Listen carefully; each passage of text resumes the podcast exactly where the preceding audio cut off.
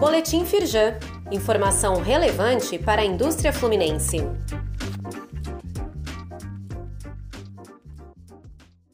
Edição de segunda-feira, 10 de janeiro.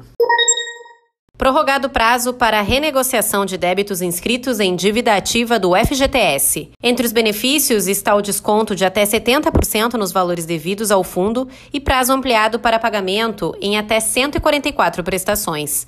Confira para quais contribuintes o acordo está disponível, o que é necessário para participar e o novo prazo máximo para fazer a adesão.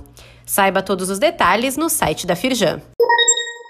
Folha de São Paulo. Rio prepara reação ao edital de concessão do Santos Dumont.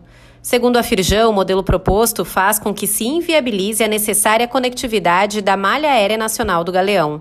Conforme o presidente do Conselho de Infraestrutura da Federação, Mauro Viegas, é importante que haja inteligência para não haver uma disputa predatória. Leia a reportagem no link disponível neste boletim. Confira os cursos de educação executiva da Firjan que estão com inscrições abertas. O programa para gestores de micro, pequeno e médias empresas tem o objetivo de capacitar em diferentes áreas-chave de gestão. No mês de janeiro, há vagas para as aulas de gestão da operação e desenvolvimento organizacional. Empresas associadas à Firjan têm condições especiais. Veja a lista completa no site da Firjan.